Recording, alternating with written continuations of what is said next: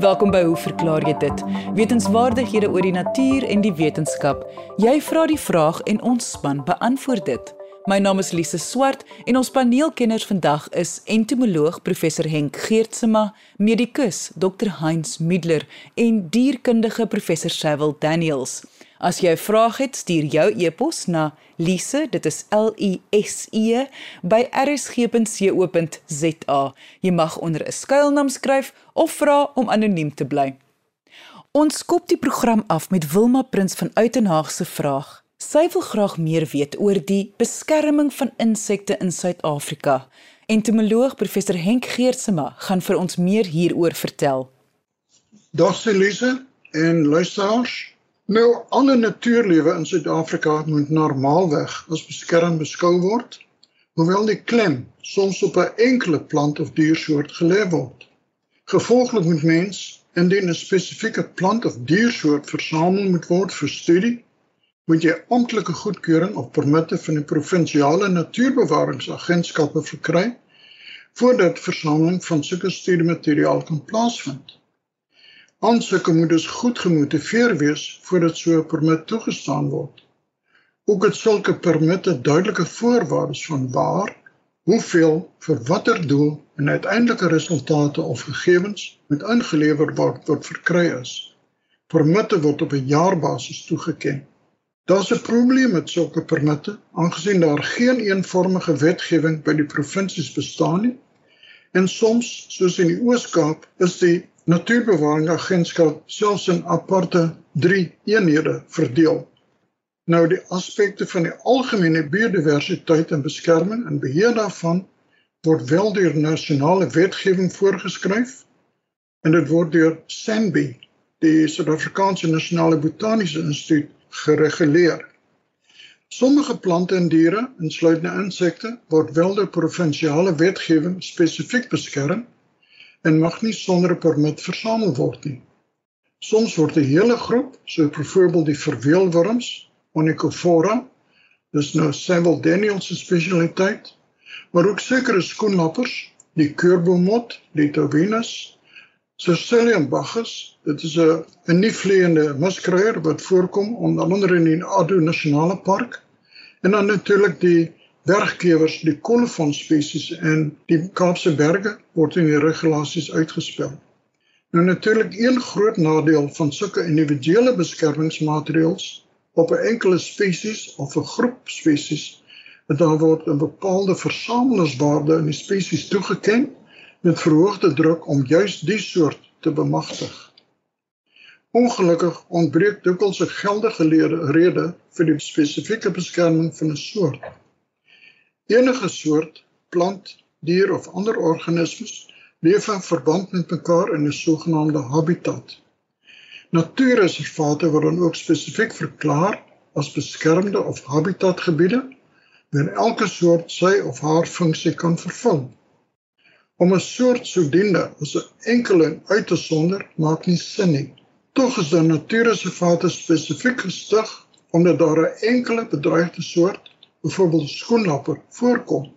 Klassieke voorbeelde is die Ruimsig Natuurreservaat by Rodepoort en Suikerbos skoenlappers naby Helderberg, Heidelberg en Gauteng. Nou die skoenlapper vereniging van Afrika doen in hierdie verband uitstekende bewaringswerk en kry dan ook jaarlikse gereelde terugvoer van versamelaars oor die voorkoms van sekere skoenlappersoorte en hulle bewaringsstatus. Met ander woorde, is hulle skaars, is hulle bedreig, is hulle volop, is hulle moontlik uitgesterf of kom nie meer voor nie. Nou die resultate word gereeld deur die vereniging gepubliseer en deur natuurbewaringsagentskappe gretig bestudeer vir implementering van omgewingsaksies. En let wel op, dis gewoonlik amateurs wat hierdie uh studies doen want die natuurbewaringsagentskappe het nie die kundigheid om skoenlappers te kan uitken nie. Ongelukkig word baie verklaarde natuurreservate deur faktore bedreig soos onwettige besetting en gebruik as woongebiede. Voorbeelde: Dukuduku en dan natuurlik die natuurgebiede in die Wes-Kaap, baie goeie voorbeelde hiervan. Provinsiale natuurbeskerming regulasies maak ongelukkig nie altyd sin nie. Dis byvoorbeeld in die Wes-Kaap 'n oortreding om insekte of ander diere op 'n onwettige manier te vang. Met ander woorde, insekte wat in die motor se verkoelerskerm beland, is 'n onwettige manier van versamel.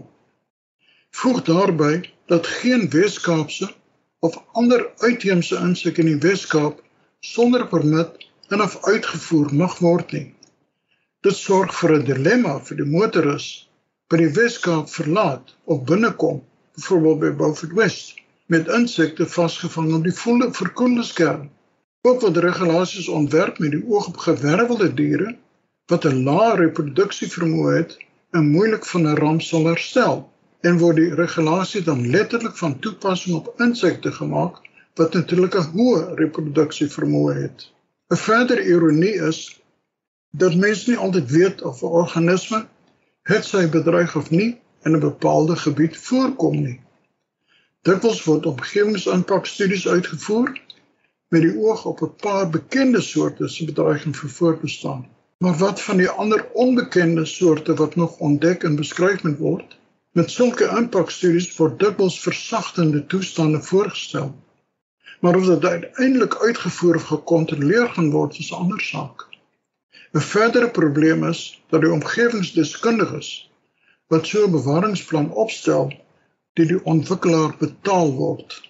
Nou hoe effektief is die beskerming van 'n plant of dier, insluitende insekte? Ons hoef net die koerant te lees of selfs langs die kus te ry om te sien hoe ons seelewe gestroop word sonder behoorlike toesig en kontrolering van bewaringsowerhede.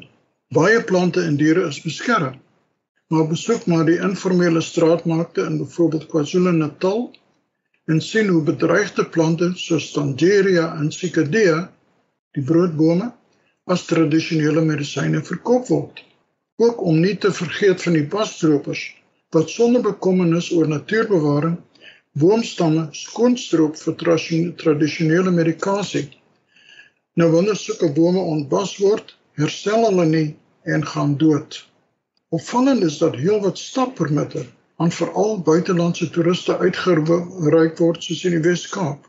Nou is dit blote toeval dat sulke permitte juis in die tyd wat kolofonssoorte versamel kan word, dit wil sê in die periode van Desember tot Februarie, aangevra word. Nou wil ek net vir die luisteraars noem dat hierdie kolofonkewers lyk soos muskruiertjies. Daar's 15 soorte in die Wes-Kaap En ek het in 1996 'n groot opname gedoen op al die bergpieke van die Weskaap om die lokaliteite van hierdie keers te probeer vasstel omdat daar was groot druk van die selfoonmaatskappye om hierdie torings juis op daardie bergtoppe te plaas. Ek kan ook net noem daar's 'n baie groot swartmark vir hierdie besondere kewers. En byvoorbeeld stel kewers van 13 soorte, nie 15 nie, maar 13 is nie baie lank gelede nog vir 85000 dollar aangebied. Dan ons het ons dwergalwentjies, Hegothias. Die Japanners is mal oor hierdie en hulle kom Suid-Afrika toe en versamel hierdie goed by die honderde en natuurlik vir al die skaarssoorte. Gelukkig word hulle gereeld gevang en dan word hulle vir die res van hulle lewe verban van Suid-Afrika om nooit weer sulke misdade te kan pleeg nie.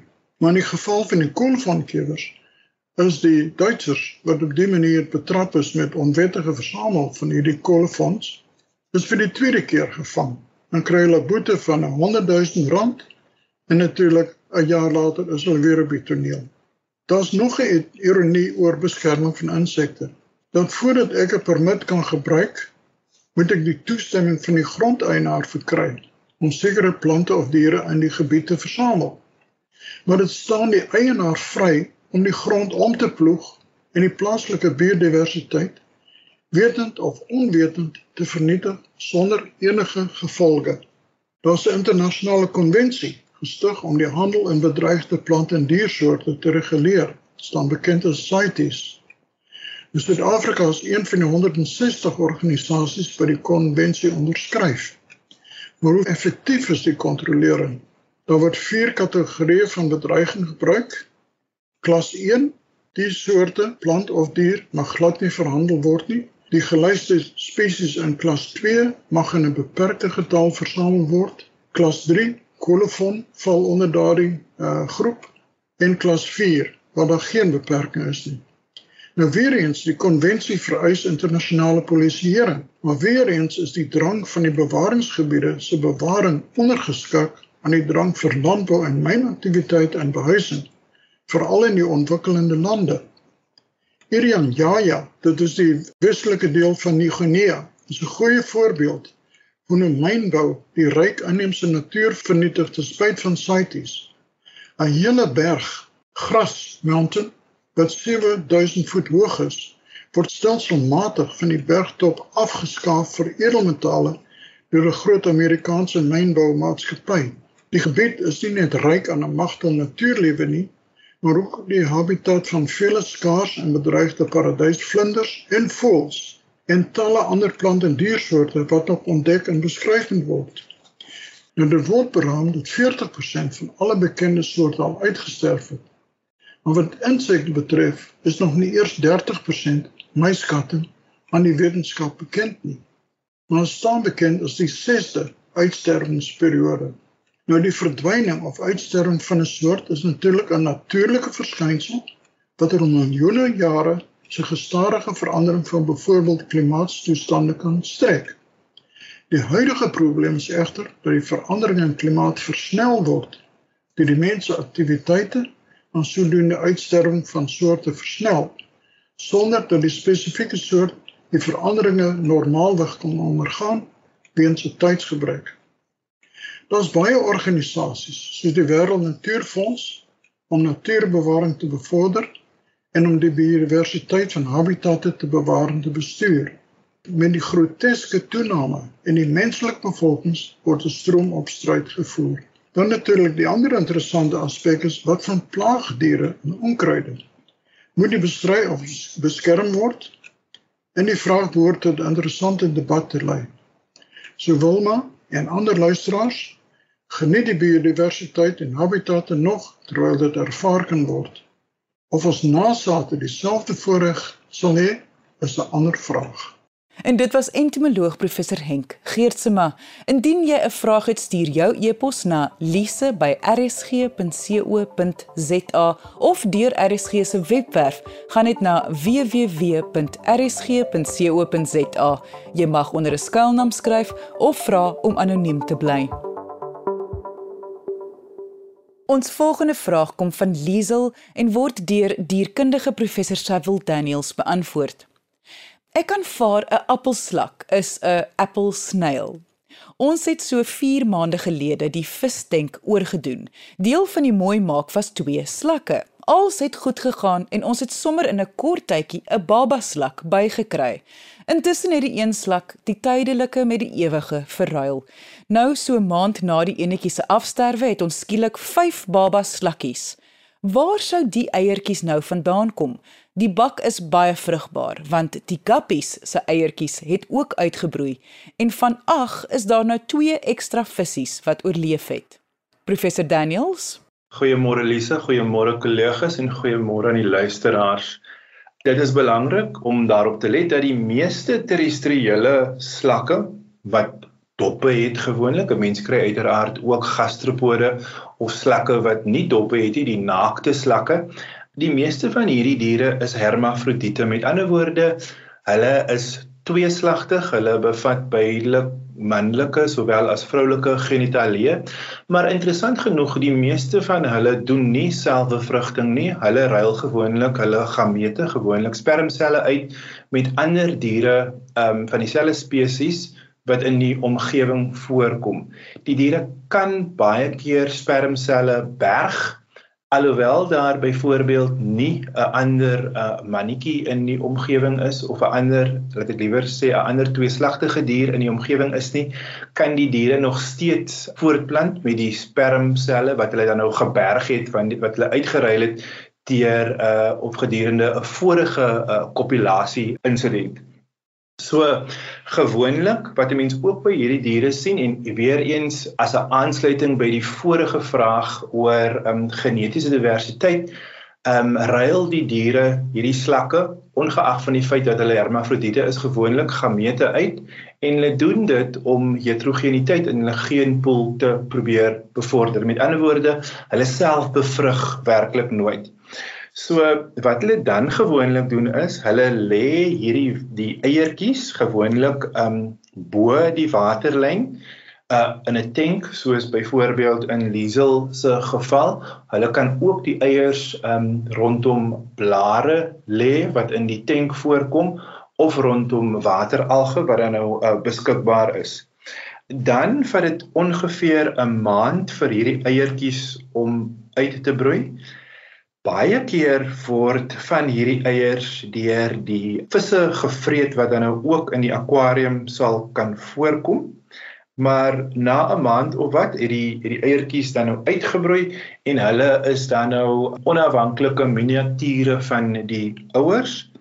Dit is baie belangrik daarop om daarop te let dat hierdie appelslakke ook indringer spesies is, nê, en hulle kom nie natuurlik in in in Suid-Afrika voor nie, maar hulle word wel gebruik in die um aquarium industrie om die tank 'n bietjie meer biologies te laat lyk. Vir mense is dit baie belangrik om te onthou dat baie keer kan die eiers van hierdie slakke parasiete bevat wat na mense toe kan versprei en spesifiek by appelslakke omdat hulle gewoonlik die intermediêre gasheer is van sekere parasitiese wurms so 'n mens moet probeer om nooit aan die eiers van hierdie slakke te vat nie. In, interessant genoeg is die eiers van hierdie ehm um, slakke gewoonlik rooskleurige pink kleur. So 'n mens kan hulle baie maklik sien, maar omdat hulle uh, parasiete bevat, is dit die beste dat 'n mens maar nie probeer om aan die eiertjies te vat nie want baie van hierdie parasiete of die hierdie parasitiese wurms uh migreer gewoonlik na die longe toe van die sekondêre gasheer wat dan nou 'n mens kan wees en dit kan natuurlik baie gevaarlik wees vir die ehm um, vir die spesifieke persoon wat dan nou geïnvesteer word deur hierdie parasitiese wurms. En dit was dierkundige professor Sewil Daniels. Jy luister na Hoe verklaar jy dit op RSG? Ons kitsvraag van die dag word beantwoord deur medikus Dr Heinz Middler. Die vraag kom van Andrei wat vir ons 'n artikel en 'n foto saamgestuur het wat beskikbaar is op RSG se webwerf. Gaan net na rsg.co.za.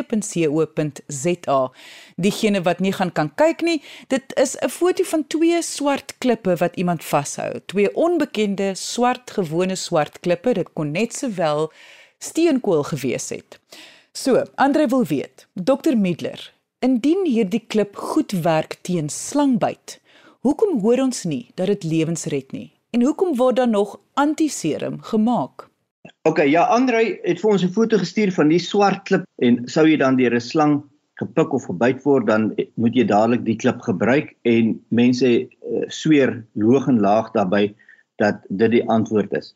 Nou daai klip lyk baie soos uh, een van daai versteende lava klippe wat ek opgetel het by Mount Etna. En ehm um, hy's pikswart en uh nou laat mens die vraag ontstaan is dit oor die klip is dit 'n sekere tipe klip of is dit maar enige klip of of wat is dit wat nou regtig die moeite werd is om te gebruik? Nou kom ons kyk net gou na slange want jy weet om te praat net van slang buite is 'n baie generiese term. Daar's verskillende slange verskillende groepe en hulle verander ver, veroorsaak ook verskillende simptome en tekens in die liggaam die grootste groep of een belangrikste groep is die neurotoksiese slange en hulle is die mambas en die kobras en dit is hulle wat jou laat ophou asemhaal en hierdie neurologiese tekens gee wat baie gevaarlik is. Dan kry jy die tweede groep is die sitotoksiese slange. Dit is meestal die pofadders en hulle veroorsaak erge weefselskade en seere en soveel so dat jy dikwels chirurgie moet kry van daai ledemaat en selfs die ledemaat kan verloor. En dan die derde tipe is die hematoksiese slange wat die boomslang is ehm um, wat jou bloedstolling aantas en sorg dat jy nie stol nie. So jy bloei van elke gaatjie af. Ons het polivalente ehm um, teengibbe wat ons kan gebruik as die behandeling en dit sluit slange in van die neurotoksiese groep as ook die sitotoksiese groep. Dan die hemotoksiese groep, die boomslang het sy eie teengif. So dit is maar ons standaard terapie wanneer jy deur 'n slang gepik is um, om een van hierdie twee gifstowwe dan te gee of antivenin te gee.